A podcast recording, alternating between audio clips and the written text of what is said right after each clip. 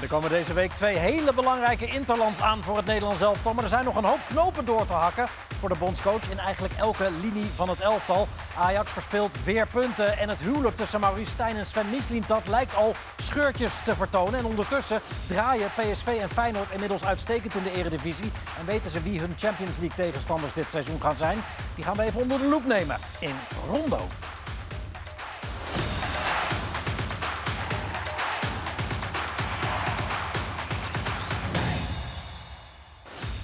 Goedenavond, Rondo loopt mooi gelijk op met eh, de eredivisie speelrondes. En dus zitten wij alweer in aflevering 4. Vandaag met Ronald Waterreus, seizoensdebuut. Uh, Galit Boularus was er al een keer. Ronald ook voor het eerst dit seizoen, welkom. Yes.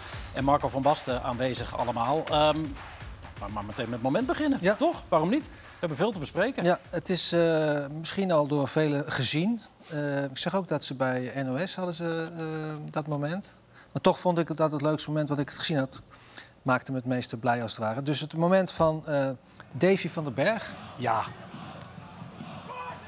op het bosje en vol in de kruising. Ja, heel relaxed, heel lekker. Ik vind ook zo mooi hoe die keeper duikt. d- dat maakt hem nog mooi. Ja, echt eh, zo zweven. ja. Vooral aan de andere kant zie je het, maar wereldgoal. Hoeveel seconden van je leven heb jij zo in de lucht gehangen? Dat je dacht, het gaat me niet lukken. Zo hoog kwam ik niet eens. Nee? Nee. nee naar zo'n bal moet je ook niet duiken. Gewoon laten gaan. En ja, juist wel duiken, toch? Die Nee? zie- dat zie je, ik denk als je die ziet vertrekken, weet je meteen, die heb ik niet. Ja, dan, zijn du- ooit- dan duw je, dan duik je Ja, voor maar de er zijn echt al ooit van die ballen waar je gewoon instinctief... Dat had met dus stiften, bij ik bedoel, zit nu naar jullie twee te kijken. Ja. Stiften ook. Je voelt als iemand een goede stift, je voelt gewoon die gaat erin. Nee, maar Dat, met springt nog maar niet meer, want dat is- dan is het nog vernederender hoor. Edward Metgod. Gullit. Ja, dat Ja. soort. Ja, nou, Ja. ik heb er nog wel een paar met netvlies nu, maar... Ik, eh, ik Johan kan- Cruijff, toen hij eh, Ja. terugkwam bij Ajax, die stift. Ook kan weer een nog- met God. Ja, met dat verband om zijn arm? Ja, ik kan me nog Eh, eentje... Dat was eerder. Nee, dat was eerder. Ja, dat ik was, kan me eh, nog eentje van Bergkamp herinneren. dat grijze bij, beeld. Herman Theo, die kwam bijna terug. Daar zat bijna backspin op. Dat was al in, in de meer, toch? Nou, ja. Of ik, dacht 60 eigenlijk, was ja, ik dacht eigenlijk dat het bij RKC... Maar goed, het was een afval eh, tegen RKC. Ja, daar zit er, maar dat is voor een keeper ook heel erg. Maar je bedoel je? Ja, Ja, dit was eh, uit de... Ja, ja, ja. En maar het veld, ja. maar net met zo'n schot en dus ook als keeper met een stift... je voelt gewoon, die ga ik nooit pakken. Maar het mooie is, je kan eh eh Milaan kiezen, Parijs, Barcelona, Ja. Madrid. En je komt uit in Almere. Dat is ja, nee, maar, leuk maar dat, is, van dat zegt ook wat over het voetbal. Een, een mooie goal, technisch eh, ja, hoogsta, hoogstandje, is, is gewoon eigenlijk ook op het amateurveld is dat eh, af en toe het geval. Nou, ik heb er weer een paar zien langskomen. Dat zie je dan, hè, Ja. omdat je dan een soort eh, een tijdlijn hebt. Dat Op- je op veel, sociale media. Ja, dat je denkt, nou, amateurs, nou, ik heb weer een paar voorbij zien komen. Ongelooflijk. Maar dat, dat is, Die waren dat, mooier dan deze, hoor. dat is het leuke van voetbal. Ja, het is universeel. Je kan, het hoeft niet in Bernabeu te zijn om mooi te zijn. En, en ook soms eh, voetballers die niet zo heel goed zijn, hebben wel eens een momentje dat je denkt, van, was ik dat? Ik heb het ook wel eens gehad in, Mhm. Ja? met EK, was ook iets dat ik, was ik dat? Eh, maar je hebt je ook zitten ergeren aan een scheidsrechter die opeens een, een pocketline swing in zijn handen had. Oh, met Bij eh, Porto, Porto. ja. ja. Nou, ik was me aan het verbazen, want op een gegeven moment eh, was er een VAR. En eh, nou, dat, het was al, geloof ik, over de 90 minuten.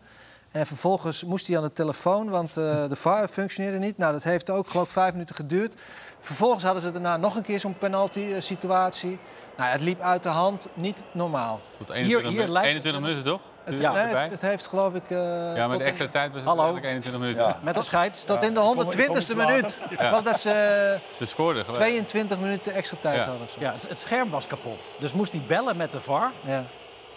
Ja, ja. zeg het maar. Ja, nou ja, ik, ik moet zeggen dat het, het was natuurlijk allemaal wel ja, onhandig en zo. Maar ja, het is wel treurig dat dat soort dingen op die manier uiteindelijk opgelost worden. Het werd uiteindelijk nog 1-1 hier. Ja. Maar dit is dus in de 108ste minuut of zo. 119e. Ja, ja. Ja. ja, Dat is geen verlenging. Ja. Dat is gewoon competitie.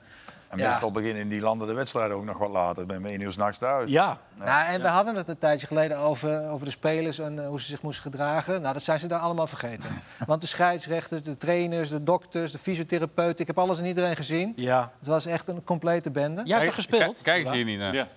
kijk eens hier niet naar het programma. Nou ja, Hè, wat jij op. nou, ja, nou ja, niet dat ik het op, maar je hoorde wel een beetje van anderen. Ook in Engeland werd het dan overgenomen. Maar daar hebben ze dat eh, niet gehoord hoor. In eh, Spanje ook niet en in Portugal ook niet. In datzelfde Portugal is overigens Orkun Kukcu echt uitstekend begonnen aan zijn eh, avontuur bij Benfica. Alles in de basis en zijn eerste goal dit weekend. Ja, die mocht er wezen. Dat er ook al aardig in, hè? Kijk, hoppa. Kijk eens. Zo. Echt dat vind ik mooi, hè? Zo'n eh, tegendraadse. Net of je de korte hoek pakt en dan... Knuffel van Angel Di Maria. Oh. Ah, dit is ook eh, een mooie club.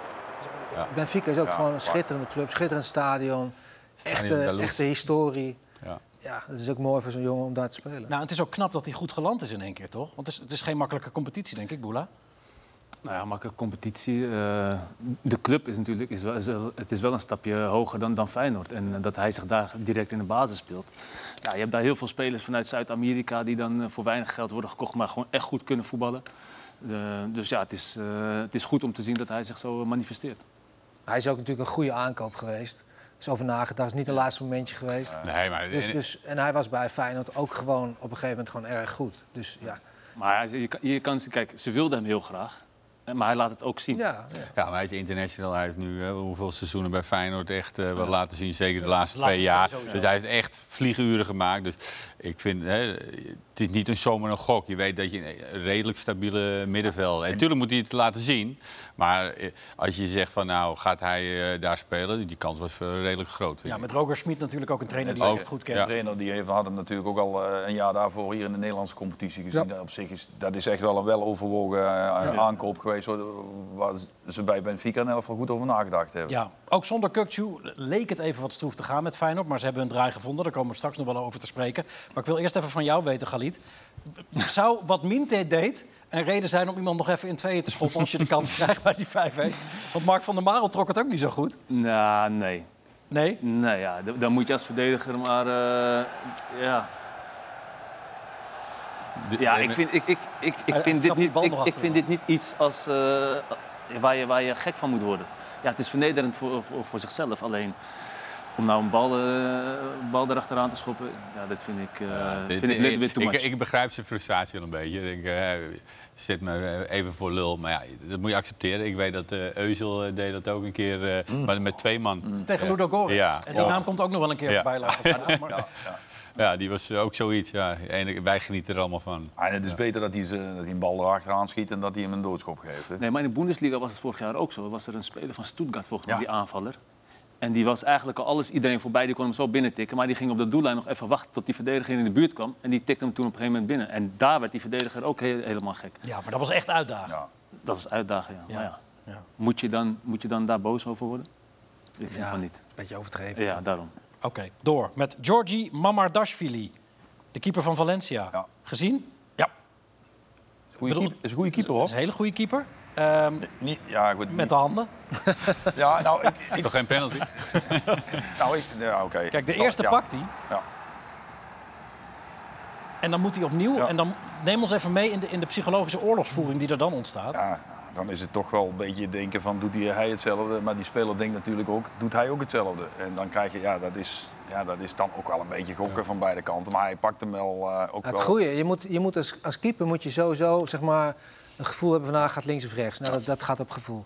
En dan moet je hem wel pakken. Ja, weet je wel? En dan zie je ook heel veel fouten nog. Dat keepers uiteindelijk wel die hoek Nou ja, duiken, maar hij, gaat, volledig. hij gaat wel volledig voor Ja, de bal. En hij heeft er ook echt zo'n, ik zou bijna zeggen, zo'n typische Duitse hand tegen dat die Ja. bal eh, meteen Ja. weg Maar, is. maar die- hij werd afgekeurd die eerste. Of hij moest ook dat, om dat mensen mij, nee, ja, maar niet met hem, man. Niks Nee, met hem te maken. Nee, wou ik zeggen. Zijn voet stond gewoon op de Maar lijn. ik zat me alleen af te vragen toen ik dat moment zag. Dat was dus echt meteen het begin van de wedstrijd. Ik denk dat als hij die overtreding in de eh, 85e minuut maakt bij 1-0, krijgt hij rood. Ja. Deze. Ja, voor mij hoeft hij geen rood te krijgen. Hè? Want het is gewoon, ja, ik bedoel, hij is te laat. En dan krijgt, eh, maar als je het in de 85e minuut doet en het is 1-0, krijg je gewoon rood. Hoor. Ja, is dat zo? Wat dubbel punishment? Ik weet niet hoe Maar dat... ja, je krijgt Ik hoor heel vaak, tegen. omdat een scheidsrechter durft natuurlijk zelden binnen de eerste minuut een rode kaart te geven. Ja, Ja, nee, Ja. maar, ik Nou, vind- deze kan je ook voor ernstig gemeen spel gewoon geven. nou ja, het is niet... maar je hebt dus en een penalty Ja, en een gele ja. kaart. Dan ben je al zwaar gestraft. Het had voor mij niet gehoeven, bedoel ik. Alleen het Nou ja, verbaasde gele me- kaart kan ik wel Ja, begrijpen. ja, ja, ja. Maar dit, ik heb die jongen ook ja, al vaker bij Valencia gezien... omdat hij ook Jasper Sillis een tijdje eruit heeft ge- gehouden. En vorig jaar op de EK in eh, onder... Wat was, was dat? 21? Jeugd-TK. Ja, met Georgië. keepte hij ook, want keepte hij dus eerst, de eerste wedstrijd had hij niet gekiept... omdat hij bij de grote jongens mocht keepen. En dat is echt een goede keeper, hoor. Hij is, eh, ja, hij is dus nog heel jong ook. Hij speelde dus bij het eerste team en het tweede team. 22 is piepjong voor ja, een hij, keeper eh, hij, hij speelde dus gewoon een kwalificatie voor het grote Georgië... en ging daarna pas naar het toernooi. Dat deed ik bij de amateurs ook wel. Ja, ja, C1 op zaterdag. niet meespelen. nog ergens meedoen, leuk. Ehm, 22 is jong, Ja. helemaal voor een keeper. 20 is al helemaal jong om Real Madrid eventjes op sleeptouw te nemen. zoals Jude Bellingham doet. Vijf goals in zijn eerste vier wedstrijden. Ja. Het, het zijn een beetje Inzaghi-goals allemaal, maar zo belangrijk. Speelde op het WK al fantastisch. Met eh, net zo'n type Musiala natuurlijk van Duitsland. Zo'n type. Ja, geweldig speler. In de middenvelder. 94 minuten ook, hè? Ja. Maar vorige keer ook al hoor, hele- in de laatste fase. Dus het is een middenvelder die eh, ja, heel graag en heel eh, alert is eh, in de 16. Maar gewoon een fantastische speler. Hij Aan de bal. Hij speelt in, bij Madrid speelt hij ook eh, even een linie naar voren vergeleken met Dortmund. Hè. Maar bij Dortmund Meer was hij 10. ja, maar een hele dynamische speler, Ja. comfortabel aan de bal. Echt een hele moderne middenvelder. Comfortabel aan de bal, raakt niet in paniek. En eh, ja, in de 16 eh, staat hij elke keer op de goede plaats. Hier, Ja, 80 maar- minuten weer. Real Madrid. Ik bedoel, we zijn het er allemaal over eens dat dat de grootste club van de wereld is. Die jongen is 20, komt uit Engeland via Duitsland. En dan meteen zo belangrijk. Dat zie je niet zo vaak. Dat iemand meteen. Maar kan hier iemand zich dat moment herinneren aan het begin van het seizoen... toen zij op trainingskamp waren in Amerika... dat eh, Tony Kroos die geweldige paas gaf, dat hij al bij die paas zo Ja. deed. Maar dan zie je dus wel dat hij meteen aangepast is aan het niveau waar hij speelt. Want anders doe je dat Ja. niet. Anders sta je om je heen te kijken wat gebeurt hier allemaal. En dat begreep... is hij ook wel voor een eh, behoorlijk Ja, bedrag. eh, 100 miljoen. ja, dus Ja. Hij is vandaag de dag een schijntje. Hè? Hangt er vanaf. Ja. Ehm, heb je ook gezien, want hij heeft ook nog wel cojones. Eh, ze speelden tegen Getafe, dus dan gaat de beuk erin. Ja. Op een gegeven moment gebeurde dat ook. Maar ook daar gaat hij dan weer behoorlijk stijlvol mee om. Olé. Nou ja, kijk maar, kijk maar wat hij doet. Ja, Hij maakt het wel oh ja, ik gezien. Hij, hij is echt in de harten gesloten. Geweldig. Ze speelden tegen Getafe ook weer. Ja, ja, zeker, Ja, ja. dat zijn echt Je ziet meteen dat Natuurlijk een soort mobiele slagerij. Ja. Ja. En je ziet dus wel dat hij zich daar wel op zijn gemak voelt. Ja. Ja. Ik vind, ik vind een mooi- goede kop heeft hij ook. Alles klopt bij. Het klopt. Mooi. Eh, iets vroeger dan normaal, maar dat heeft te maken met de rest van de uitzending. De grensverleggers.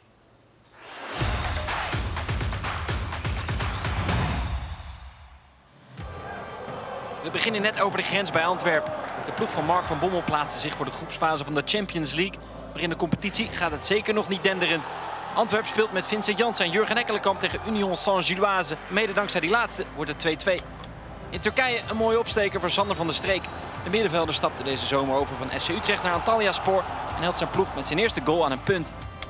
Dan in Italië, waar Bologna met twee Nederlanders aan de aftrap staat tegen Cagliari. Verdediger Sam Beukema eist een negatieve hoofdrol op zich bij de 0-1. Het is 1-0 voor Cagliari. Die is de beste kans voor de bezoekers. En hij rond het netjes af hoor. Beukema zit daar helemaal mis. Dat wil je natuurlijk niet hebben. En al helemaal niet als het dan zo wordt afgestraft. Dan is daar in de tweede helft een andere Nederlander, Joshua Zirkzee. Hij beperkt de schade voor zijn ploeg. Cirkzee, het is raak. Daar is dus zijn moment. Met zo'n lekkere, droge knal. Bologna krijgt de wedstrijd uiteindelijk ook nog in de schoot geworpen na een giga-blunder van de keeper van Cagliari. Bij AC Milan is Tijani Reinders al niet meer weg te denken uit de basisopstelling. De middenvelder staat ook in de topper tegen Roma 90 minuten op het veld. Hij ziet hoe ploeggenoot Rafael Leao vrij de winnende maakt. Leao, oh Leao, wat een wereldgoal! Schitterend gedaan, Rafael Leao. Milan na drie gespeeld 9 punten. Hetzelfde geldt voor Inter. Met Denzel Dumfries en Stefan de Vrij in de basis wint het gemakkelijk met 4-0 van Fiorentina. Davy Klaassen overigens 90 minuten op de bank. Teun Koopmeiners en Martin de Roon kennen bij Atalanta ook geen problemen tegen Monza. Koopmeiners geeft assist bij de 3-0 en ziet even later nog een doelpunt worden afgekeurd. En invaller Mitchell Bakker laat ook nog wat leuke dingen zien. Bakker. Bakker, oh, hadden gedaan. Tot slot naar Spanje, waar Daley Blind en Girona knap tweede staan. De 101-voudige international speelt tot nu toe alles en houdt met zijn ploeg ook de 0 in de 1-0 gewonnen wedstrijd tegen Las Palmas. Frenkie de Jong is week in week uit uitblinken bij Barcelona en dus ook op bezoek bij Osasuna. Hij is eerst nog wat onfortuinlijk, maar in de slotfase geeft de Jong een prachtige paas op Lewandowski, waar uiteindelijk ook nog een penalty uitkomt. Vijf minuten voor tijd. Lewandowski. En de tweede goal van Lewandowski. Barça wint, Frenkie is man of the match en keert deze week in bloedvorm terug bij Oranje. En Ronald Waterreus wordt misselijk van die aanloop van Lewandowski. Helemaal boos. Nee, die van, Le- van iedereen. Ja, dat- Lewandowski dat die- heeft misschien ook de status dat hij dat van mij maakt. Maar ben ja, een beetje zeeziek. ja en dat zeker. Daar kan je als keeper helemaal niks mee natuurlijk. Nee, ja, je moet heel lang blijven staan. Hè? Ja. Ja. Goed, we keken naar de kaart van het programma eh, van het Nederlands elftal... dat donderdag en zondag gaat spelen. Eerst thuis tegen Griekenland in Eindhoven... en daarna naar Dublin voor eh, de uitwedstrijd tegen Ierland. En we zien ook aan deze stand eh, dat winst gewoon echt noodzakelijk is... eh, in de jacht op plek 2. Laten we Frankrijk maar even buiten beschouwing laten.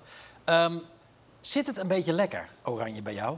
Voor de komende twee Interlands. Zit het Heb- lekker heb bij je- Heb je, er, en, maar heb, je, heb je er vertrouwen in dat dat goed komt? Twee keer winnen? Nou, ik moet. eh, kijk, als je deze vijf, zes landen ziet, dan, dan moet dat kunnen. Eh, we zijn niet goed begonnen natuurlijk, verloren van eh, Frankrijk. Echt wel een pak slagen. 4-0. En ja, er zijn ook wel wat spelers die geblesseerd zijn of gepasseerd zijn. ook wel belangrijke jongens ook. Dus ja, het wordt er niet makkelijker op.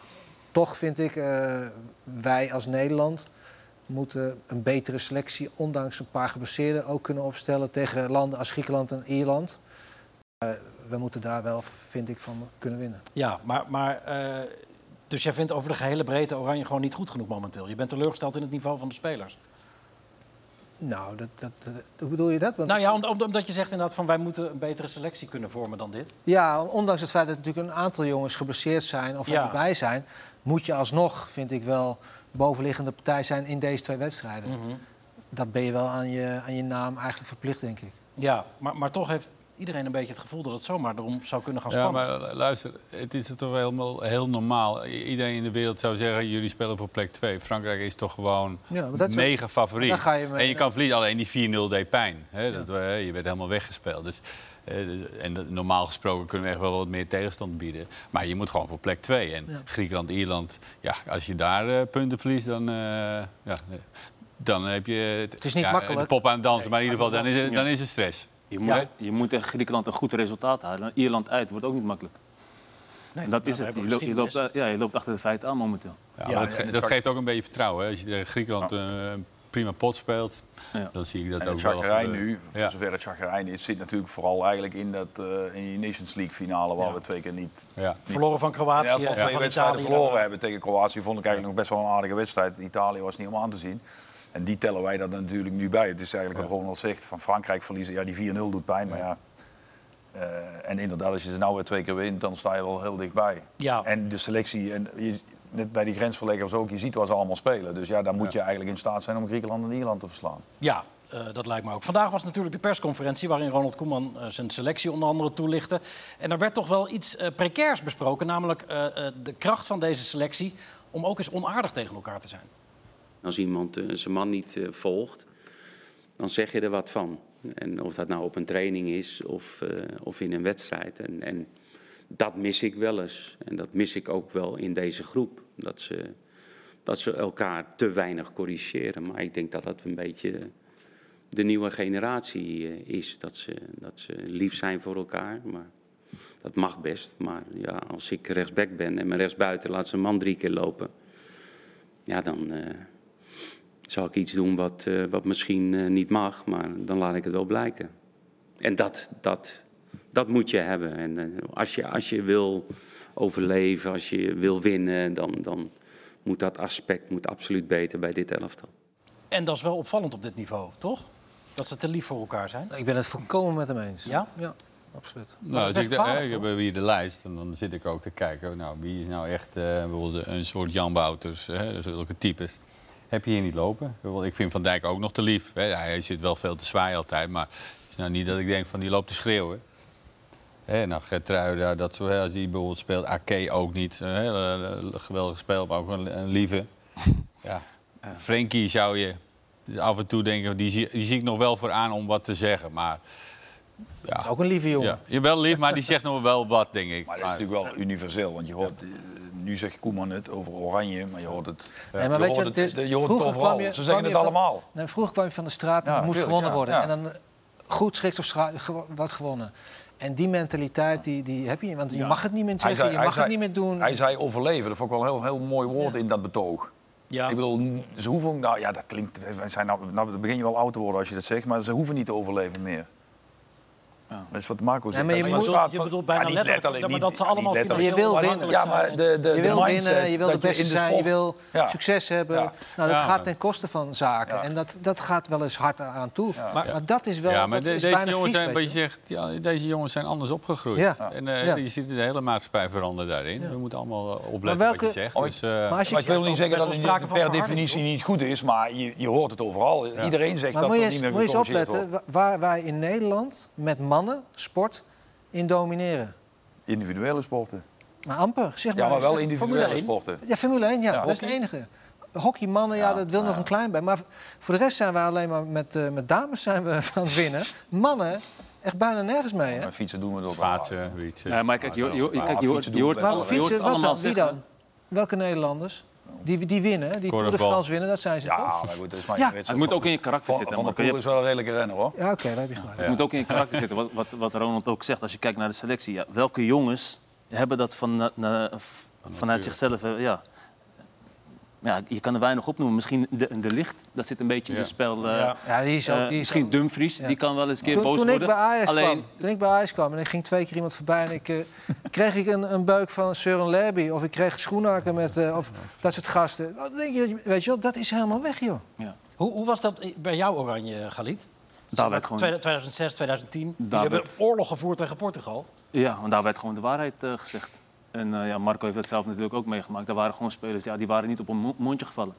En dan kan je wel zeggen, ja, egootjes, egootjes. Nou ja, je hebt liever eh, een x aantal ego's in je, in je elftal... die opstaan op het, op het juiste moment... als dat je alleen maar van die eh, ja, allemaal broeders en zusters in je elftal hebt... die, die elkaar eh, beschermen en eh, nee, schat, eh, het is oké. eh. Makkerschapen. Ja. ja, in 2010 eh, bijvoorbeeld, eh, Brazilië... Kwartfinale. Kwartfinale, eerste helft bakten we er helemaal niks van. Nou, dan kom je in de rust, kom je in de kleedkamer... en dan staan de jongens, of die jongens die dan op het veld staan... Ja, die gooien een shirtje neer en die vertellen elkaar de waarheid. Van, luister, geloof in onszelf, eigen spel spelen, godverdomme, et cetera. Excuses. maar er wordt elkaar wel de waarheid verteld. Ja. Weet je? En dat brengt je verder. Ja. Elke keer maar dat elkaar beschermen en je bent mijn broeder. Juist als je elkaars broeder bent, moet je elkaar je de waarheid elkaar de- kunnen ja, zeggen. dan tuurlijk. gaan we elkaar nu helpen. En dan straks na, na de wedstrijd, dan gaan we, gaan we er rustig over praten. ja. Maar hier wordt alsof ze elkaar allemaal beschermen. Weet er je wel? zit natuurlijk ook wel een zekere angst in, omdat eh, dat, dat blijft hangen. Hè. In, wat ik al zeg, in onze tijd, daar werd dat gewoon gezegd. En dan ging je s'avonds nog gewoon een biertje drinken. Of eh, je ging met z'n Gewoon acceptatie. Ja, natuurlijk, man. Ja. Dan ging je gewoon met z'n allen zitten kaarten en eh, weet ik veel wat. Ja, en dat is dus nou ook omdat natuurlijk ook alles uitvergroot wordt. het. Wij, wij er worden ook al bijna liplezers ingezet om te, om, te, om te kijken wat iemand tegen een- iemand anders zegt. Dat was vroeger natuurlijk ook nooit. hè. Ik was, trainer, allemaal zo nu, ik was trainer bij Ajax en het liep niet helemaal goed. En op een gegeven moment zeg ik, nou weet je wat, we gaan een partijtje eh, organiseren. En dan eh, eh, pikte ik twee spelers eruit. Ik zeg, nou jullie mogen spe- spelers kiezen. Gewoon poten en dan eh, gewoon wat je vroeger gewoon deed. Ja. Goed, ja. ja. Ja, ja. En, eh, Je voeten maar zo naar elkaar, dan weer Toen gingen ze dus niet de beste in mijn ogen, maar, ze- maar hun vrienden gingen ze eh, kiezen. Ja. Omdat ze die dan niet in de steek willen laten. Ik zeg, wie, wie, wie, waarom doe je dat nou? Ja, dat zijn gewoon vrienden. Ik zeg, ja, maar je, gaat toch, je speelt toch om te winnen? Dan neem je toch de beste van je, van je team? Nee, dat eh, deden ze niet. Maar als dat dat vond ik zo zit, typisch. Maar, moet je daarop selecteren dan? Moet je nu dan op zoek naar een klootzak? Die misschien iets minder goed kan voetballen? Ja, je, hoeft Nee, niet nee, nee. je hoeft niet per se op zoek naar een klootzak. Maar als je wil winnen, moet je wel een mix hebben van... oké, je moet goed zijn, maar je moet ook wel de wil hebben om te winnen... ten koste van alles, om dat eh, zeg maar te Nou ja, bereiken. je ziet wel eens, hè, er werd toch wel, hè, die jongens van bijvoorbeeld Martinez, Tagliafico, Alvarez, die werden daar toch om geroemd. Hè? Dat, dat Grinta, hè, dat, eh, dat wil je eigenlijk als manager of als coach wel in je ploeg hebben. Dat een paar van die eh, klootzakken zijn die denken van nou, als het even niet gaat, dan... eh. Natuurlijk, hè, alles wordt nu met de VAR, maar dan wel echt dat je toch ja, je spelers meetrekt Ja, we moeten natuurlijk oppassen dat, je dat, dat we dan niet ook... eh, eh, het idee wekt dat dat eh, inderdaad eh, schoften moeten zijn op het veld. Het Nee. gaat er veel meer om Ja. dat je mensen hebt die ook Ja. mensen onderling op scherp Je zetten. moet wel weten wat je Ja, doet, je moet verstandig zijn... je moet wel willen winnen, maar binnen de lijn... Ja, maar het gaat erom, wat eh, Koeman zei, als een rechtsbuiten het eh, niet meeloopt en hij, hij laat het gebeuren, zeg maar. Hè. Hè, Je ziet het en je laat het, dat zei Louis Ja, altijd. ja, het erge vind ik, als je het eh, ziet en je laat het gebeuren. Dan word Kijk ik, eens. eh, ja, Dit is Donjel Malen die niet meeloopt met eh, zijn bek, ja, die Marco. Malen Ja. komt nu het beeld ja, pas in. Exact. En hier moet je dus... exact. Nu moet, je, nu moet je direct eh, gewoon, eh, ja, gewoon verbaal gewoon zeggen, waar ben je, mafketel? Ja, eh, of een ander woord, maakt niet uit. Ja, mafketel, Ja, maar mafketel Ja, kan wel. maar gewoon, hier moet je hem gewoon eh, echt aanpakken. En dat vind ik helemaal niet erg. Ik bedoel, eh, maar dit is toch te gek voor woorden dat je op het niveau van Nederlands elftal... dat dat niet in je elftal zit. Dit zijn allemaal spelers die in de top spelen. Ja, topsport is het, hè? Het en en, gaat en het, om- wordt, het wordt elke week, elk, elk weekend wordt bij een club op details wordt het beslist. Nou, dus de- dan, dan vraag je het, het uiterste, het maximale van je teamgenoten, ook van jezelf. En dan kom je bij het Nederlands elftal en dan laat je dat soort dingen dus lopen. Ja, ik vind dat raar. Kan je Ja. presteren zonder? Zonder Zonder wat? zonder die eh, sfeer in een kleedkamer, Nee. zonder die mentaliteit? Maar niet, niet, niet structureel. Het zal eh, incidenteel wel eens een tijdje goed gaan, maar structureel. Ik weet zeker dat wij alle vier in ploegen waarin we gespeeld hebben... dat soort types meteen kunnen opnoemen. Hij zei net al de naam van Jan Wouters. Ja. Schiet, de eerste die mij te binnen schiet, heb ik toevallig ook nog met Jan gespeeld. Van Bommel, ook zo iemand. Die heb je, die heb je honderd keer liever bij je dan tegen je. Honderd keer liever.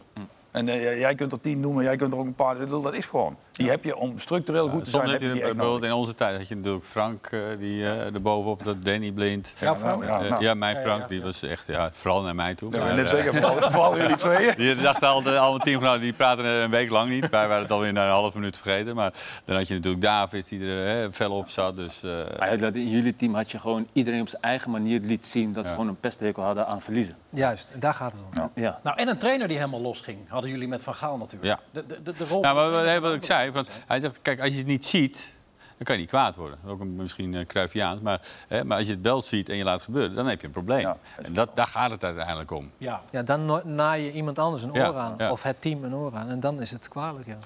Wie moet er keeper? Donderdag. Ronald? Ja, die vraag hebben jullie mij natuurlijk vanochtend al gesteld. ik kan echt niet kiezen tussen Vlekken en Verbrugge. Waarom niet? Hij kreeg er vlekken van. Hij gooit nog gewoon erin. Nou ja, ik vind, hij, hij maakt het wel. Ja, hij maakt het wel.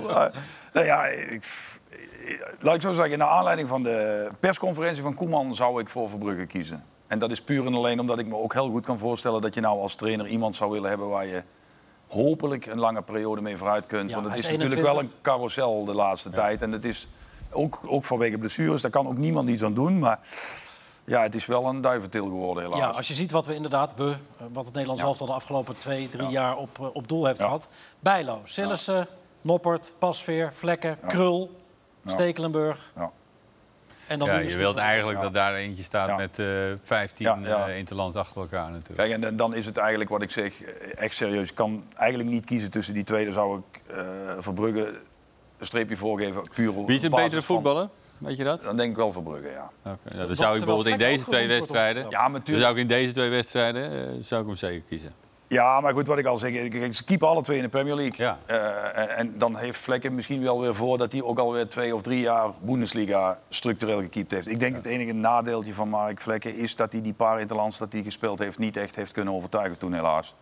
Maar ik is- denk dat hem dat heel lang na... Sorry? Is Verbrugge nu basisspeler? Of, Ja, eh, Ja, bij sinds Brighton. kort. Ja. Ja, Die speelt, die speelt bij, Brighton. bij Brighton en Nee, En eh, Vlekken bij Brentford. Brentford, oké. Het is natuurlijk wel, het gekke is wel dat we het over een positie hebben waarvan wij nu allemaal vinden, oeh, die staat ter discussie, maar we hebben gewoon twee keepers in de Premier Ja. League.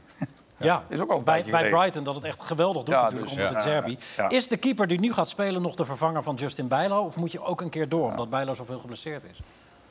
Ja, dat ligt eraan hoe ze het doen. Kijk, als, als hij voor Brugge zou kiezen en die doet het goed, ja, dan moet je daarmee doorgaan. Dat, dat is, als hij nu een fantastische wedstrijd eh keept, of twee, zeg maar, een van die twee, dan ga je hem niet ver, eh, verwisselen. En als, eh, stel dat onze vriend eh Bijlo een fantastische Champions League ronde speelt, waar hij zich, eh hoe heet het, eh, Onderscheid. ja, onderscheidt. Ja, Ik dan, weet niet of je dat redt. Met Nee, maar ik bedoel, da- dan, dan ga je, maar hij zal er in ieder geval dan weer bij zijn. En dan Ja. is het maar voor hem hopen dat hij, eh, dat hij weer een kans krijgt. Maar Dus- ik vind het een geweldige keeper. Het is natuurlijk heel vervelend voor hem dat hij elke keer geblesseerd is. En hij kan dat verhaal natuurlijk ook niet meer horen. Maar ja, ja om te spelen moet je wel beschikbaar zijn. Ja, we kunnen het ook niet helpen. Hij is er heel vaak niet. Ja. Ja. Ja, dat is met name voor een keeper. Is dat Ja. Arjen Robben was ook met regelmaat wel geblesseerd. Ja. Maar die komt dan als linksbuiten toch wat makkelijker in dan een keeper. Ja. Eh, Van Dijk is de aanvoerder, die zal spelen. Wie moet er naast hem staan? Maar die speelde dit weekend niet, hè? Hij is geschorst. Geschorst. Oh, geschorst, een week eerder. Ja. Wie moet er naast? Eh, ik zou AK doen. Oké, en dan Ja, Van Dijk naar rechts. Wat? Van Dijk naar rechts, want die speelt vaak links in het hart, ook bij Liverpool. Ja, tuurlijk. Ja, Ja. ja. Nee, tuurlijk. Ik wil gewoon een links- en een rechtspoot in het centrum. En wie zet je linksback dan? Ik zet, eh hoe heet het, eh Daley Blind, omdat die speelt gewoon heel goed bij Girona. En je speelt tegen twee teams. Ik zal hem niet tegen Frankrijk spelen, laten spelen, maar tegen Griekenland en, eh, en Ierland verwacht ik dat je de bovenliggende partij bent, veel aan de bal. Ja, dan vind ik Daley eh, eh, de, de, de beste optie in die, in die zin. Maar vinden jullie allemaal Van Dijk nog steeds onbetwist? Nee, ik niet hoor. Oh, wel zeggen, want dat had ik, ik, ik, we hadden een opstelling moeten inleveren. Ik had hem er niet op staan, hoor. Ja, de licht Nee? erin staan? Ja. nee, ik zou ook De kiezen, oké. De, Lim- maar de licht speelt niet, hè? bij München. Ja, oké, maar ik vind ook gewoon... Kijk, eh, dat klopt wel. En ik, dat is ook niet zo van, omdat nu zus... Maar ik vind Van Dijk eigenlijk al anderhalf eh, jaar ook in oranje. Sinds de knieblessure. Ja, oké, goed, dat is dan ook vervelend. Maar Ja. het is natuurlijk wel misschien qua uitstraling nog steeds de leider van dit elftal. Maar dat zou hij ook kunnen zijn als hij niet speelt. Dan zou hij zichzelf als een echte leider kunnen tonen, denk ik dan. Verdediger? Ik vind hem niet in ieder geval niet meer onbetwist. Nee, kijk, hij eh, heeft natuurlijk wel wat, wat, wat steken laten Ja. vallen. Momenten van kritiek gehad na zijn blessure. En, eh, ik vond ik, trouwens zijn niveau na zijn blessure vond ik niet eens eh, beneden alle pijl. hoor. Dat vond ik echt, eh, echt wel acceptabel. Hij was de beste van de wereld en dat is hij misschien niet meer. Nee, maar hij- omdat hij, heeft, meer, hij heeft een x-aantal momenten gehad waarbij hij gewoon niet goed uitzag. En daarbij eh, heb je Matthijs de Ligt die eh, een goed seizoen had bij Bayern München. Maar je hebt nu ook die jongen van de Ven die gewoon heel goed staat te spelen bij Tottenham Hotspur. En die ook op zijn positie kan spelen. Ake, wat gewoon, vind ik op dit moment gewoon echt een wereldtopper. Heel degelijk, heel stabiel. Dus ja, die kan ook op zijn positie spelen.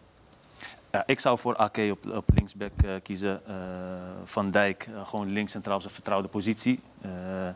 Naast hem wel Geert Ruida. Ja, maar ik vind Ake bij City speelt hij ook niet echt als back- opkomende back vaak. Hè. Eh, Ik vind, hij is Ja. meestal dan in een driemans eh, hè, verdediging. Hè, want eh, Pep houdt van een middenveld. eh, hè. soort Dus dan laat hij, ja, dan laat hij er drie achter. En hij is dan een van die centrale.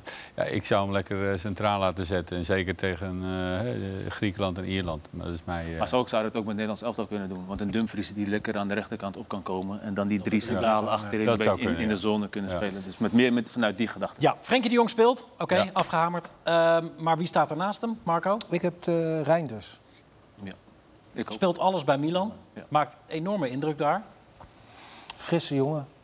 Goed loopvermogen. Iets Ja, hij speelt daar op 10 natuurlijk. Hè? ja, ik heb hem daarvoor staan. Ik heb wel, eh, omdat ik vind, eh Frenkie moet lekker overal gaan lopen en eh, erbij komen ook.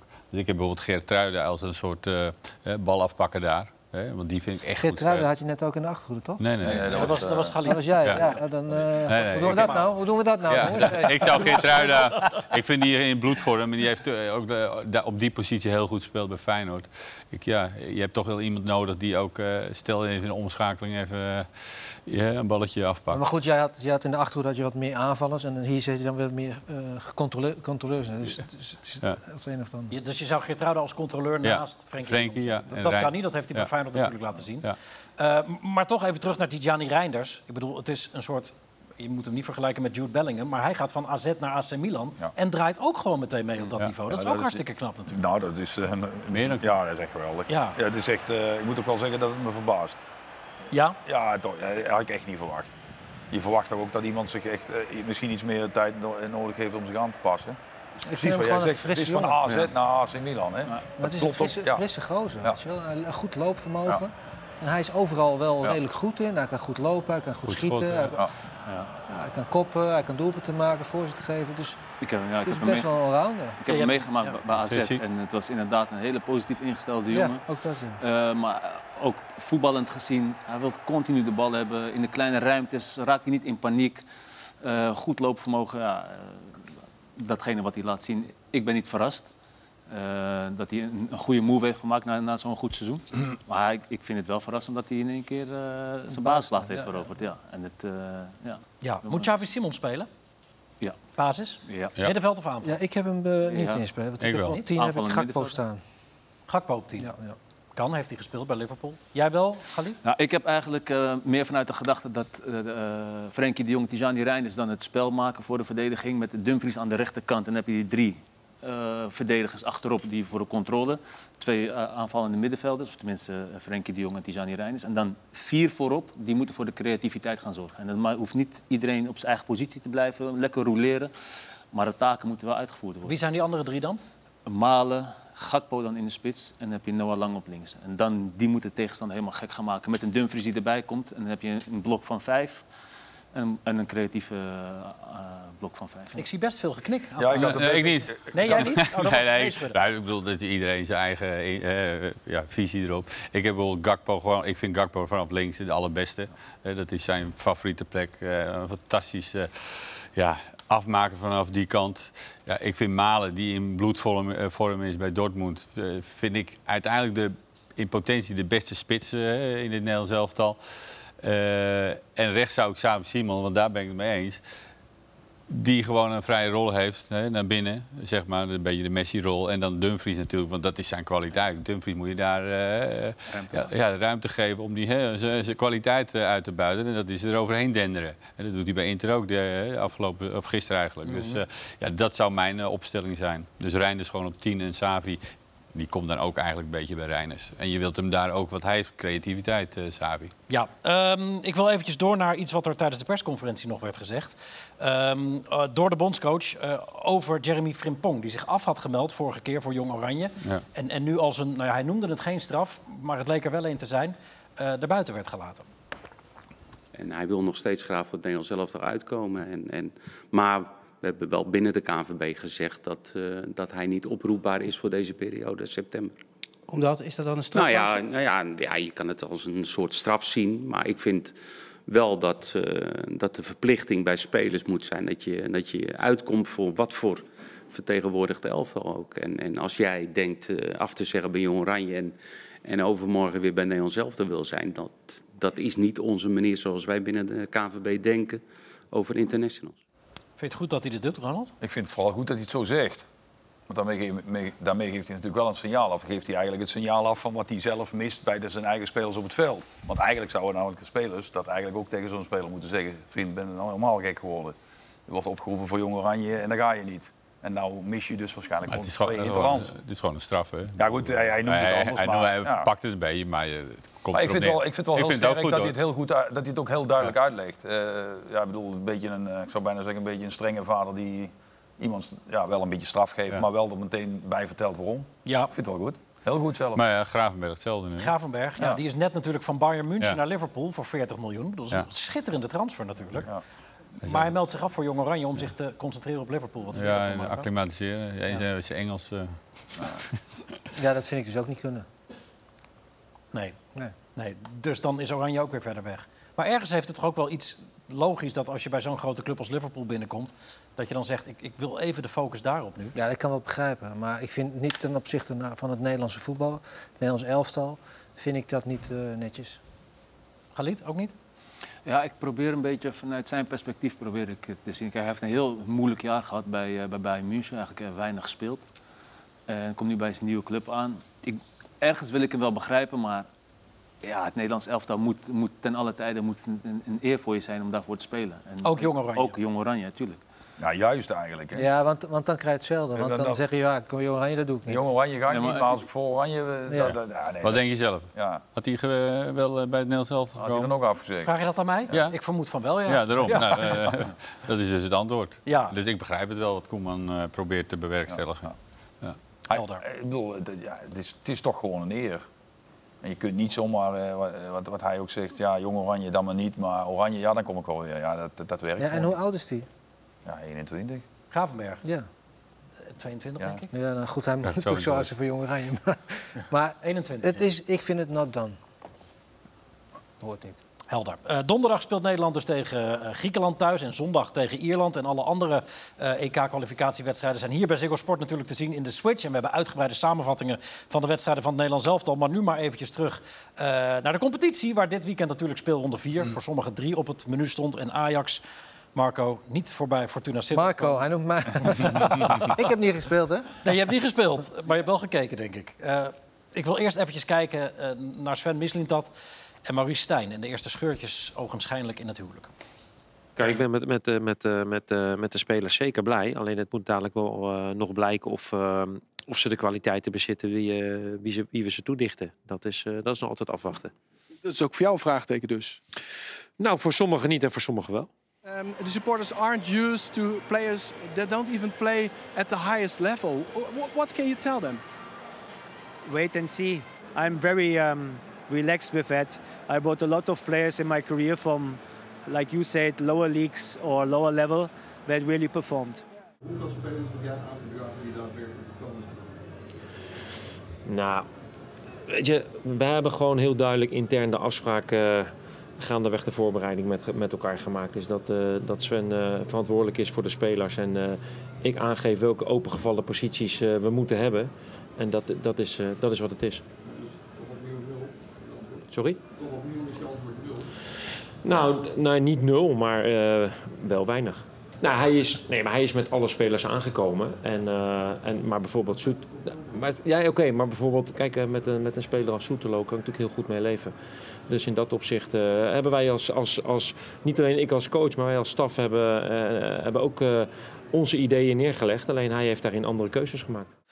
Ja, en zo begint de, onrust toch wel behoorlijke vormen aan te nemen. Hoe heb, hoe heb jij naar Ajax gekeken de afgelopen twee wedstrijden... en, en naar deze interviews met de beide technische mannen? Ja, ik moet zeggen dat dit, eh, het was niet eh, leuk om te kijken. Het was niet, eh, ik ben op een gegeven moment ook... de tweede helft heb ik naar Jos Verstappen, of, Jos, Max Verstappen zitten kijken. Want dat vond ik gewoon leuk. En bij Ajax kijken vond ik niet leuk. En donderdag? Ja, donderdag heb ik ook zitten kijken. Maar toen heb ik ook in de tweede helft toch eigenlijk een filmpje gepakt. Want het was... ja, weet je je, nou? voetballen, ja, voetballen moet wel leuk zijn. En op een gegeven moment, als ik Ajax zie, dan... Ja, dan ik vermaak me dan niet meer. En maar je wilt toch zien? Ik heb het daarna nog wel een beetje teruggekeken, maar ik, eh, ja, ik... ik eh, Dat had je niet moeten doen. Dit was de Nou ja, slechtste eh, ja. Europese wedstrijd die Ja, ik denk ik gezien heb. Ik begrijp Marco wel, want eh, tegen Excelsior was hetzelfde als tegen Fortuna Sittard. Ze hadden gewoon niet het vermogen om de tegenstander kapot te spelen. Er wordt in een tempo gespeeld dat veel te traag is. Individuele acties zie je ook bijna niet. Je ziet geen automatismes. eh, de tegenstander, eh, tegenstander onder druk zetten. Ze zijn gewoon niet bij macht om een tegenstander kapot te Nee, spelen. maar daar zijn natuurlijk verschillende oorzaken voor aan te wijzen. Heel veel, heel veel debutanten, nieuwe trainer. Maar de kwaliteit van de spelers is gewoon niet goed. En, eh, en dan wordt het heel lastig. En dan kan je de trainer, dan kan je iedereen de schuld geven. Maar er moet gewoon meer kwaliteit op het veld komen. En eh, hij is daar niet in staat toe gebleken met al die aankopen die hij heeft gedaan. En eh, dan zeggen ze ook nog dat ze eh, jeugdspelers hebben. Ja, Rens is een jeugdspeler, maar ja, dat is echt niveau Cambuur. En eh, Hato is een goede. Taylor is, is niet niveau Ajax. Dat, dat, dat zijn wel jongens die dan zeg maar, van Ajax komen. Maar die, zijn ook niet, die mogen in een goed elftal meespelen. En dan kunnen ze ook meespelen, want dat elftal is goed. Rens zit ook constant in de fout. Hè? Hier ook weer een momentje. Dit heeft hij veel te vaak en dat heeft hij al een jaar lang. Dat hij elke keer de dupe is van al dat soort misverstandjes. Het is gewoon geen niveau. En ze hebben nu een ander gekocht, Gaai. Ik denk dat dat niet veel beter is. Ze hebben, vorig jaar hebben ze eh rechtsback Sanchez. Dat is alle- weg. Maar dat moet is, zeggen, ga je er veel aardig in? ja, nou, hoor. ik, wat ik gezien Ja, heb... ik heb niet, ja, maar goede snelheid. paas. Nee, Je maar goede paas ook. eh, ik Maar ook. we hebben ze allemaal nu Ja. maximaal 90 minuten aan het werk gezien. Ja, van die nieuwe maar je ziet, je, ziet, je ziet vrij snel of iemand comfortabel is aan de bal. Als iemand een bal wil hebben, dan, dan is het vaak wel een goede voetballer. Maar bij Ajax zie je nu, niemand wil de bal hebben. Maar het lijkt me ook heel oncomfortabel om met vijf nieuwelingen in een ploeg te spelen. Ja, maar goede spelers vinden Ja. elkaar snel. Dat is het probleem niet. Dat zie je direct. En dat heeft, dat heeft even nodig om beter te worden. Maar je Soetelo is een goede speler. Die zie je direct. Ja, die, die, is, die is comfortabel in hetgeen wat hij doet. Maar ik heb nu ook die linksbuiten. Ik weet zijn naam, is Forbes is het. Forbes, maar is, eh, die jongen is 14 miljoen waard. Nou, dat Ik, is eh, 14 ik- miljoen voor gegeven. of? Ja, nou ja, oké, maar, er dat, is, dat is ervoor betaald. Maar dan denk ik bij mezelf van... Ja. Die heeft in het tweede gespeeld van Manchester City en meer niet. Maar hoe Nee, kom je erbij om keuze, zoveel eh, geld heb ik ook nooit begrepen. Want Maar zo heb je er nog de een paar. grootste talenten bij Ajax zitten op linksbuiten. Ja. Ja. Dus eh, er Maar zitten dan- er drie echt, in principe, die worden gezien als toptalenten. Welke zijn dat? Nou, die ga ik niet noemen, want we weer... eh, maar dat zijn gewoon nou... en eh, hoe oud zijn die jongens? De, de jongste is eh 17, maar dan 18 en 19. En die zitten tegen het Ja, die zitten in de tweede elftal. En die, zitten- hè, die, eh, sommigen zijn eigenlijk nog A-junior, maar zitten al bij het tweede elftal. En het zijn echt eh, gewoon grote talenten. Sorry, maar ja, want jij komt nog bij Ajax, Ja. je werkt nog bij Ajax. Wat doe je ook alweer precies? Ik doe onder 17, onder 18 eh, twee keer in de week. Ja, dus, eh, jij, werkt met die op jongens. Ja. Hoe wordt er daar dan gereageerd op het feit dat Nou er ja, dus dat, zoveel dat, zullen gekocht ze niet zo, dat zullen ze niet zo eh, hardop zeggen. Kijk, zij, die, hè, die jongens waar ik mee werk, die moeten zich in het tweede laten zien. En ook in de onder 18. Dus dat is nog een beetje Maar dat is vroeg. Maar- anders, wil ik wel even zeggen. Ja. Er wordt dan op een gegeven moment gezegd door de jeugdspelers Ja. van... we zijn een koopclub geworden. En, eh, dat is, De dan zaakwaarnemer van de dan- jeugd. Ja, maar dan moet je toch als, als jeugdspeler beter zijn en beter worden... om weer wel in het eerste te spelen. Dat is wat de jeugd... ben, moet daar ben ik het ook mee. Dan moet je gewoon in je tweede laten Maar dat is, ook, dat is ook wat Misliet dat ze- zegt. Hè? Hij zegt, we, kopen, we kopen x aantal spelers. Een, spelers van, een speler van 20 miljoen moeten staan. Die, die spelers die goedkoper zijn, ja, die moeten zich bewijzen. Mhm. En het is aan de jeugd om, om die gasten uit te dagen. Om, om die, De om die- jeugdleiding is in de afgelopen jaren ook... heeft bijna niks geleverd, hè? Nee, maar ik bedoel, Nee, je, maar je hebt een speler als Het zijn altijd heel weinig, hè, in principe. Het, eh, toen ik bij Ajax kwam, eh, had je, zeiden ze tegen mijn vader... je hebt 1% kans van deze lichting die er doorgaan. En soms Ja. heb je een generatie dat ineens vijf, toen in onze generatie. Dus dat is Maar altijd je wel... moet ongeveer van één of twee per jaar moeten wel doorkomen. Eén in ieder geval moeten eh, doorkomen. Dat Nou, kan nou, natuurlijk nou, nog dat- steeds. maar toch? ik vind, ik vind het alleen Ja, jammer maar dat je je de toptalenten van Ajax... niet, hè, dat je de linksbuiten, de beste linksbuitens heb je. Drie, echt vier, eigenlijk hele goede. Ja, en dan haal je dus een Forbes, wat dus ook een gok is. Maar niet van het bedrag. Hè? Want je denkt dat het een supertalent is. Nou, dat heb ik nog niet gezien. Natuurlijk, hè, twee wedstrijden kan je hem niet afmaken. Maar ik vind het gewoon, je, je, je moet ook de jeugd een, eh, een- kans geven. Hoe kijk jij, Ronald? Nee, sorry, Boela, zeg maar. Ja, maar het is toch raar dat je, als je, je laat Conceição gaan en je haalt Forbes. Dat zijn bijna twee identieke Nou ja, soort- Conceição is soort- rechts, Forbes is links. Hoe bedoel je? hij is is rechts buiten. Ja, maar, Ja, Forbes is ook rechtsbuiten? Allebei hij Nee, Nou, oké, dan is is- hij linksbuiten. Maar je hebt Bergwijn daar staan. Dan ga je een speler van 14 miljoen halen. dat bedoel ik. eh, oh, oh, wat? Ja. Voor de bank? Ja, die keuze Dus, die, ik. dus die, die gaat op rechts staan. Dat hadden ze al. het En dat hadden ze al met Conceição. Dus waarom, het waarom haal je dat al nog met voor 14 miljoen? Tadic. Hadden ze ook al een Bergwijn. Dus dat, dat klopt dan toch niet? was vorig jaar ook al zoeken. Maar, maar het leuke is natuurlijk dat wij hier toch dus nu zo over discussiëren. En dat is ook de bedoeling, want wij moeten dat doen. Maar het ergste eh, als Ajax-fan zou ik me daar heel eh, bezorgd Ik om heb maken. het altijd geweten. Hè? Jij- Ja, ja, daarom. ik, ik, ik, ik, ik- ik geef het nou ook voor het eerst echt toe. Dat, dat als je wat, wat je net ziet, dat de twee mensen die er verantwoordelijk voor zijn al niet op één lijn zitten. Ja, dat kan dus, dat zijpelt dus natuurlijk helemaal door in zo'n organisatie. Daar, ik bedoel, eh, Ronald kan daar waarschijnlijk niet zoveel over zeggen. Dat is ook wel te begrijpen. Maar bij hem op het veld en om het veld gaat daar natuurlijk iedereen over praten. Het, Dus- het is, maar het is niet misschien dat richting Stijn. Het is momenteel vooral Stijn die, Ja. die Nee, maar weet je- zijn handen je, eigenlijk van het, de is, het is Stijn en Missentat, die moeten echt kunnen lezen Ja. en schrijven met z'n tweeën. Hieruit blijkt dat ze dat totaal wel geen kan. communicatie En we hebben. zijn er pas drie Dodelijk. weken onderweg. Dodelijk. Ja, en, en mo- ik moet daar wel een nuance in brengen. Ik vind, hij is nieuwe trainer. Misselijk, dat was volgens mij al aangenomen. Ja, ja. Hè? Hij heeft Ja, natuurlijk- Missentat hij is heeft niet- nee, maar die is technisch directeur. Missentat heeft hem aangesteld. Hè? Ja, dat bedoel ik, daarom. Dan, dan moet je het met... Nee, maar ik bedoel, er zijn gewoon, waarschijnlijk zijn er gewoon, eh, hoe zeg je dat, taken. Ja. En hij is technisch directeur Ja. en hij is verantwoordelijk wat er eh, op Ja. het veld komt te staan. En dat- dan moet dat Stijn... Ja. Daarom, dat, daarom maar zo zit het ook in elkaar. Maar ze En moet- een trainer is een voorbijganger. Hè? Ja. Als je nu, nee, maar ik bedoel, ga het omdraaien. Maar ik denk Ga je dat- hem, alle, alle, eh, alle spelers die hij gaat halen, heeft hij een eh, het, eenspraak in. Ze- En dat gaat verkeerd. Dan gaat Maar- iedereen ook zeggen, wat is dit nou? Zegt Daar heeft hij geen tijd voor. Maar ze moeten met elkaar heel Tuurlijk, veel goed. overleggen. Mark eh Dinges en, eh, Overmars. en Ten Hag, ja. die was, was met constant aan het Die weten van elkaar precies wat ze willen, wat ze voelen. Iedere dag lunchen. Maar die- elke dag. ik bedoel, ik- Deze twee hebben elkaar twee keer per week gebeld. That's it. Maar, maar ik bedoel, ik, ik kan me voorstellen dat je er geen antwoord op kan en wil geven. moet je ook niet doen. Maar ik bedoel, je gaat mij toch niet vertellen dat zoals het, zich nu, zoals het er nu uitziet... dat zo'n Michelin-taat geen ver- voorbijganger gaat zijn. Die gaat daar toch niet jaren zitten? Nee, nee, het is toch te nee. gek? Ik bedoel, je, er zitten twee Ajaxiden tegenover me. Nee, maar- Een- een- een tech- drie, hè? Nee, Ja, weet ik, maar- nee, tegenover me, het zijn er maar twee. tuurlijk. hè? Ik- ik vind het ook, eh, Een technisch directeur van Ajax die geen Nederlands spreekt. Ik bedoel, ja, sorry. Als Dat is, toch, dat is toch niet erg? ja, vind ik wel. Hoezo? Daar hebben we het vorig jaar ook hier op, aan deze tafel een keer over gehad. Een club die zich zo laat voorstaan op zijn eigen DNA. Iemand aantrekken die het technisch beleid gaat bepalen... die het DNA van de club niet kent. Dat kan toch niet? Maar het grap is... Als Dat je, klopt toch niet? Als je, Ja, en als daar hebben ze nog praten, anderhalf jaar over gedaan. Ja, nou ja, goed. Dat... Maar als je, als je hem hoort praten, mol? Als je hem hoort praten in zijn interviews, dan weet hij wel degelijk waar Ajax voor staat en wat er nodig is en wat er gevraagd wordt. Ja, in maar het is niet jeugdopleiding. nee. Ja, je- je maar als je naar de aankopen gaat kijken, dan, dan zien we het Nee, klopt niet er helemaal Kijk, niks je van. kan ook, je hij- kan hij ook denken, en je genoeg scouts natuurlijk ook bij Ajax ja. rondlopen. Die weten hè, wat er in Nederland Nieuwe loopt. En je wilt eigenlijk de diamantjes, die, hè, hè, de, de, de Kudus en weet ik veel, die wil je, of de Anthony of weet ik veel. aan- eh, Die wil, die wil je, nee, nee, maar ik bedoel, die wil je krijgen natuurlijk. Maar die kunnen er toch nog tussen zitten, tussen deze Daarom, natuurlijk. Ik heb alleen een beetje, Dat ik vind... Je hebt dus twaalf, eh, ja, eigenlijk onbekende spelers... eh, waarvan heel veel, hè, de, zeg maar de tweede divisie. En waar ik een beetje bang voor ben, is dat... Een jeugdspeler, dat heb je zelf meegemaakt... als je gelijk speelt al bij Ajax, is er stress. Dat heb je als jeugdspeler, ga je dat al, hè, voel je dat. Ja. En ik weet niet of die jongens dat beseffen van, hè, van de tweede divisie. Kijk, als daar eh, één keer of twee keer verloren is, ja, eh, jammer. Ja. Balen ze. ja, maar dat Nee, maar- gevoel, en ik weet niet of ze dat meekrijgen. Dus als ze nu bij Fortuna denken, ja, balen. Maar dat, komen er dat, twee uit de tweede. maar dat leert, dat leert Missentat. Want die zegt, we hebben drie maanden of zes maanden de tijd om, eh, om in te spelen. Ja. Nou, dat is echt des doods bij een topcllub. Dat Maar ik, ik, ik, had, ik had liever gezien bijvoorbeeld echt zes echt goeie toppers. En dan de, en dat gat vullen met hè, eh, in principe jeugd eh, die, die er aankomen. hè. Zo'n Yielson, een Vos, een uh, Amoricio van Dong. En, eh, hè, er zijn nog genoeg eh, talenten die er eh, in ieder geval eh, op de deur kloppen. Dus eh, dat had ik denk ik liever gezien. Maar laten we wel wezen... We zijn maar net begonnen. Hè. Misschien eh, verrast hij ons. Maar, ik, ik, ik, het zou een maar ik, verrassing het zou een voor mij ook zijn. Maar je, hoe snel zie je niet of iemand goed is of niet? Ja, maar ja, eh, ik bedoel, we hebben wel eens een paar keer meer gezeten. Ja, Kijk, wat- tuurlijk. Martinez ook, natuurlijk, die kon er ook niet zoveel zijn er van. 12, Alvarez kon er we zijn niks er nu van. 12. Ja.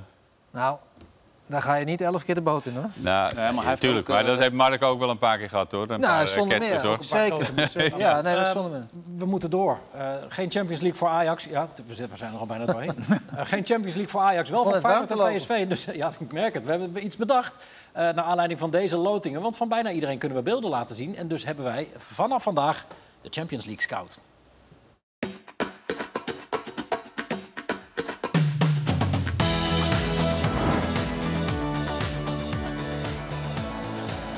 Feyenoorders opgelet. Luis Alberto is de naam. Na het vertrek van Milinkovic-Savic is de Spanjaard de veldheer op het middenveld van Lazio. Hij toverde tegen Napoli lustig op los. Met als hoogtepunt deze goal. Goed balletje zeg. Ah, schitterende goal. Schitterende goal. Luis Alberto. Feyenoord-opponent Atletico zou PSV-tegenstander Sevilla treffen. Zou. Want de wedstrijd gaat niet door vanwege hevige regenval in de Spaanse hoofdstad. De Firm lijkt Celtic kwetsbaar, maar komt heel goed weg. Twee goals van Rangers worden afgekeurd. De eerste wegens buitenspel, de tweede vanwege een overtreding van Cyril Dessers. Aan de overzijde staat Furuhashi aan de goede kant van de buitenspeellijn. Hij schiet Celtic naar de overwinning. Riley's header. Suddenly gives Kyogo a chance. Fabulous finish. Zinderende kraker wint Arsenal thuis van Manchester United. Heel even lijkt het de andere kant op te gaan. Maar na het ingrijpen van de VAR beslissen de Gunners zelf de wedstrijd via recordaankoop Rice. En ook nog Gabriel Jesus. Lens is geen schim van de ploeg die vorig jaar tweede werd in de Ligue. De ploeg gaat er keihard af tegen Monaco en staat op de tiende plek. PSV hoeft zich voorlopig nog geen zorgen te maken. Bij Lens loopt het absoluut niet. Nee, maar PSV speelt eerst tegen Arsenal uit. ehm, waar Feyenoord Celtic op bezoek krijgt in de eerste speelronde van de Champions League over twee weken. Toch, Galit, allebei een loting met perspectief. Toch? Nou, ik vind eh, groep B best een, best een zware, lo- eh, zware loting. Welke dat- B? Help even. Oh, Eh, eh, PSV. De, de groep van PSV, ja. Sevilla staat laatste momenteel.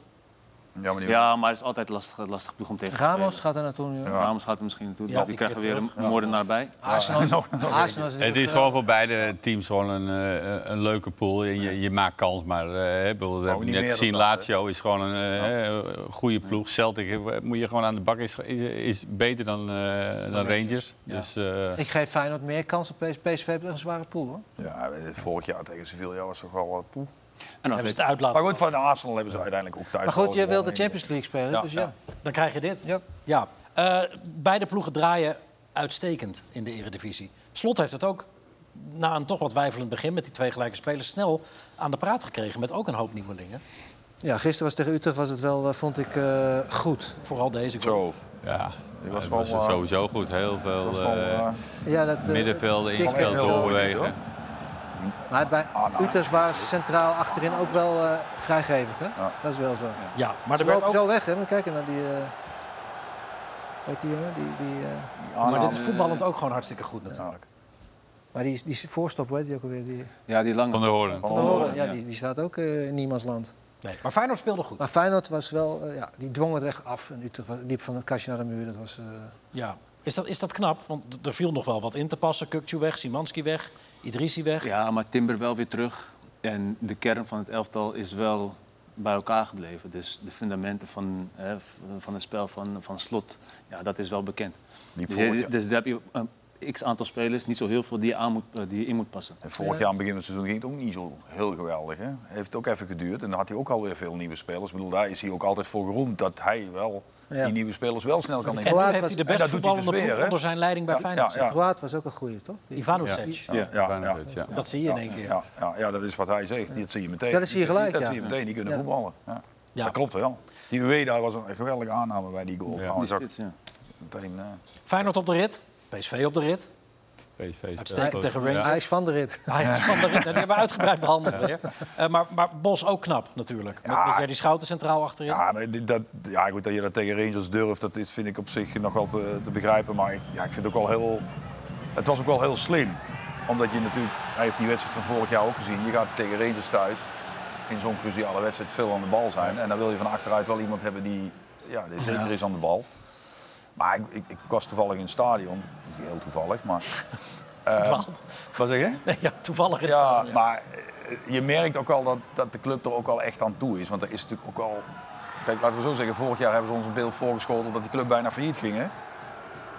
Dat was waarschijnlijk wat overdreven. En dit Ja, jaar hebben ze dat wel... Gakpo verkocht moest worden. Ja, dat, eh, en nu ziet de wereld er in één keer heel anders uit. Maar ja, het- het- het- het- ja, wat ik zeg, je kon in het stadion wel merken dat echt alles en iedereen echt hunkerde naar dat succesmomentje. En ja, dat is wel fijn. En dat verdient eh, Bos. eh, Ja, je voelt gewoon, er zit een goede de- de- vibe in. ja, hè? ja, Er ja. zit Eh, maar dit is ook naar voren. Als je het over inkopen hebt, hebben ze wel veel geld uitgegeven. Maar het is logisch. Xavi Simons gaat weg, Noah Lang. Ja, dat is een goede dat is gewoon, is gewoon logisch. Daar, daar, daar is... Nou, maar het is niet alleen logisch, het is een goede aankoop. Kijk, ik vind, ik vind Peppi best wel wat duur. 12 miljoen voor een reservespits. Maar ja, ze hebben natuurlijk wel gedacht, ja, die Luc de Jong gaat niet eeuwig mee. Ja. Ja, dat is eigenlijk allemaal wel te volgen. Hè, Sangaré hadden ze, hebben ze, denk ik, diep van binnen al langer geweten dat hij wegging. Daar hebben ze de schouten al voor gehaald. En misschien die Tilman Ja, eh, iets, iets hoger. iets hoger. Maar goed, oké. Dus ze hebben eigenlijk gewoon heel logisch ingekocht. Het enige wat ik eh, eh, nuance met onze Peter Bos natuurlijk. Zo begon hij ook bij Dortmund natuurlijk. Echt, en eh 163 dagen heeft het geduurd. En toen eh, was, Ja. hij, eh, Maar goed, dan- was hij weg. Maar, Maar is voorlopig ik- nog geen spoor van dat. Nee, helemaal. En ik- het is gewoon genieten geblazen. En En is- Wat ik zeg, hè, als je zo'n schouten, hoe je dat doet, hoe Dest eh, zich eh, manifesteert. Ja, en er is voor Bos natuurlijk geen beter moment dan trainer van PSV te Ja. worden. PSV heeft hunkert naar succes en hij ook. Dus ja, dat is een, zou een ideale combinatie kunnen zijn. Ja. Vorig jaar toch twee prijzen gepakt. Zeker weten. Maar ik vraag me af trouwens, want die Peter Bos zegt natuurlijk wel van ja, met Schouten achterin, dat durf ik ook tegen Arsenal. Nou, ik heb Arsenal gisteren Man United gezien. Ik hoop dat hij vanuit... Toch niet doen? Nou ja, ik hoop dat hij van, Nee, van zijn verleden heeft geleerd. dat gaat hij niet Dat, doen. dat is kansloos. We hebben Bella Kortjap van Southampton Ja, op centrale verdediger. ja. Heb jij Van Nistelrooy eh, nog gesproken recentelijk? Hoe is het met hem? Moet ik daar nou echt antwoord op geven? Hoe is het met hem? Ik vraag het Gaan we aan. nog iets uitzenden? Dan geef ik er antwoord op. Hoe bedoel je? Ja, ja, zend het maar uit. Wat bedoel je Wij uitzenden? moesten toch nog een goal uitzoeken, of niet? Of, Jazeker. Oh, nou, wil je dat nog. nou dan leg ik het uit, dan beantwoord Ja, ik dat is goed. Dan krijg jij is dat doelpunt. Dan is het verhaal compleet. Oké. Anders klinkt het een beetje eh, Oké, we gaan nog wat uitzenden. Ja. Ja. Dus dan geef ik antwoord op je vraag. Spannend. Het Spannend. slotoffensief, Spannend. blijkbaar. Geen idee. Eh, gaan we nog wat uitzenden? Jullie snappen hem dadelijk meteen. Ja, ja, ja, heel goed. Ehm, nou, het slotoffensief met inderdaad de vraag... als je de rest van je leven nog maar één voetbalfragment zou mogen kijken... welk fragment zou het dan zijn? En dan beginnen we bij Ronald Water. Ja, ik ben nou, toch wel heel benieuwd. dat is een volley van eh Ruud tegen Valencia uit. En ik heb hem inderdaad even gebeld of hij dat oké vond dat ik dat moment ging uitzoeken. Ja, En toen zei hij, ik moet vanavond een ESPN Award uitreiken. En die was niet voor hemzelf. Ik zeg, nou dan krijg je toch nog een prijs vanavond. De mooiste goal die ik altijd de rest van mijn leven zou willen zien. Ja. Maar ook niet alleen vanwege zijn volley, maar ook wel vanwege het, wat eraan vooraf gaat. Ik bedoel, hier tegenover me zit ook al iemand van een redelijke volley.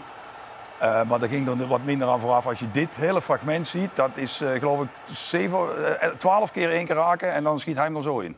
Dus als ik ooit één moment alleen nog maar terug kan zien, is dit. En dat was het antwoord op je Ja, vraag. en het gaat goed met... En ik heb op de weg hier naartoe gevraagd of dat oké was. Ja. Hij heeft net een, een award uitgereikt aan Xavi Simons. Ja, daarom zeg talent ik, Van het jaar. Helemaal goed. Dat was niet voor mezelf. Hij had niks gewonnen, zei hij. Marco, als je één fragment zou mogen kijken nog maar. Uit Ik heb het toch doorgegeven, of niet? Marco, Marco heeft Maradona gekozen. Juist, Ja, juist. Tegen Engeland, kwartfinale. Nou ja, dat was natuurlijk zo'n bijzonder moment van zo'n geweldige speler. Het is wel grappig. En je ziet op, eh, op eh, internet zie je ook nu steeds die, eh, die plaatjes en die, van- hem. Mhm. Nog steeds. En dan zie je hem balletjes hoog houden, dood op ze. Gewoon in studio's, weet je. Ja. Nou, het was echt eh, ongelooflijk wat hij met de bal kon. Ronald, wat heb jij? Nou ja, ik, ik zat ook te denken, hier, hè, die goal van Marco en je hebt nog wel schitterende momenten. Maar je kijkt ook naar je eigen carrière en die kwartfinale tegen Argentinië, hè, die, eh, die twee goals. Ik vond de 98. twee beide hè, wereldgoals. Eh, vooral de tweede natuurlijk in die Bergkamp. laatste eh, Bergkamp. Dus dat was voor mij, omdat je er zelf in staat, eh, de- die, ja, zo- zo'n WK meemaken is het mooiste wat er is natuurlijk. En eh, ja, dat, eh, dat vergeet je nooit meer. Ja, voor assist bij de Ja, 1-0. ja. Hoofd Bergkamp, Kluivert, tik binnen. Yes. Ja, we mogen het niet laten zien, die van Maradona Nee. helaas ook. Oh, ik wou al zeggen. Want nee, ja, het spijt me. Nee, daarom Zij geef ik even laag commentaar. Ja. Je, je maakt me eh, lekker in. eh, Hier, YouTube, ik zoek maar even YouTube. Ehm Boela, we eindigen bij jou, want dat mogen Ja. we wel laten zien. Oh, dat was zo smullen zeg. Ja. Wat een Ik had eigenlijk twee momenten in mijn, in mijn hoofd. Dat was eh, de actie van eh, Ronaldo R9 tegen Compostela in Barcelona. Oh ja. Ehm, maar dit was eigenlijk niet één moment, maar dit Oh, was eh, een hattrick. wedstrijd waar hij gewoon heel- in zijn eentje eigenlijk Old Trafford helemaal stil kreeg. En eh, Volgens mij was het ook deze wedstrijd waar hij gewisseld werd en ook nog eh, Applaus. applaus. kreeg Ja, van, ja. van het publiek. Ja, en dat is zeker in Engeland eh, heel bijzonder. Is dit R9? R9. Dit is R9. R9. Want hij heeft beste. 11 op zijn dingen staan. Ja, goed, maar Dat ging, op een gegeven moment ging hij van 11 naar 9. De echte Ronaldo. Ja. Dit is de echte Ronaldo. Ja. Absoluut. Mooi. Mooi fragment ook. Eh, we hebben nog tijd eh, voor één vraag. Laten we die lekker aansluitend doen op R9. Ehm, wie is je favoriete slash de beste Braziliaanse voetballer ooit? Pelé. Pelé? Ja. Geen twijfel? Nee. Duidelijk. Ik, ik Pele niet, natuurlijk is hij geweldig, hè, maar voor mij is deze jongen, hè, deze man, eh, Ronaldo, hè, daar hebben we ook R9. tegen gespeeld. Ja, R9.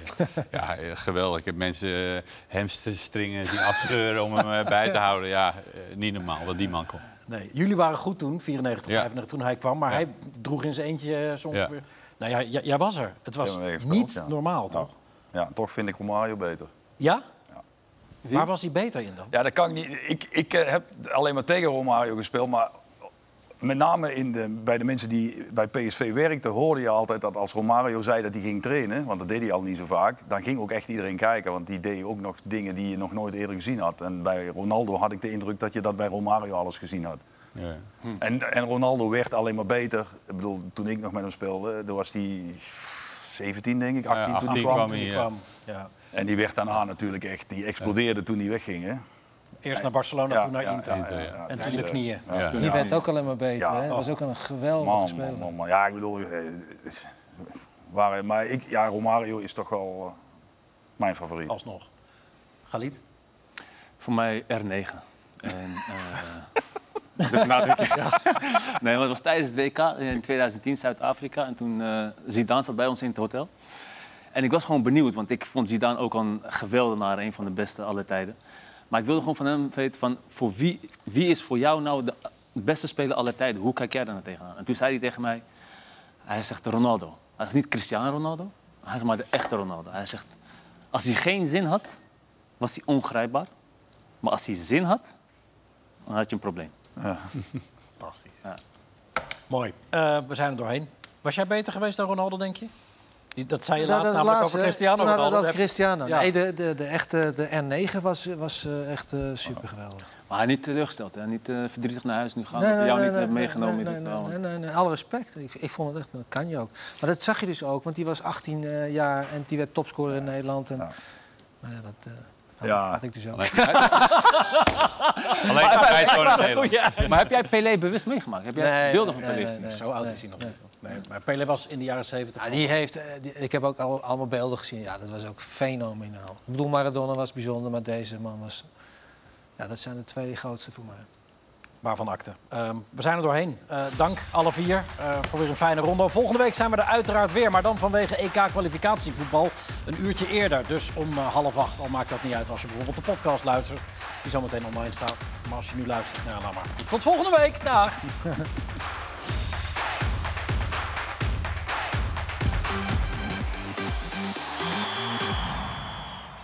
Ajax-trainer Maurice Stijn is niet blij met de trainer die deze zomer door Sven Mislintat is aangesteld. Zo liet hij na de teleurstellende 0-0 tegen Fortuna weten. De staf en het bestuur hebben allerlei opties aangedragen, maar Sven heeft daarin andere keuzes gemaakt. Ik hoop dat de trainer de kwaliteiten bezit die Sven hem toedicht, anders gaat het een heel zwaar jaar worden.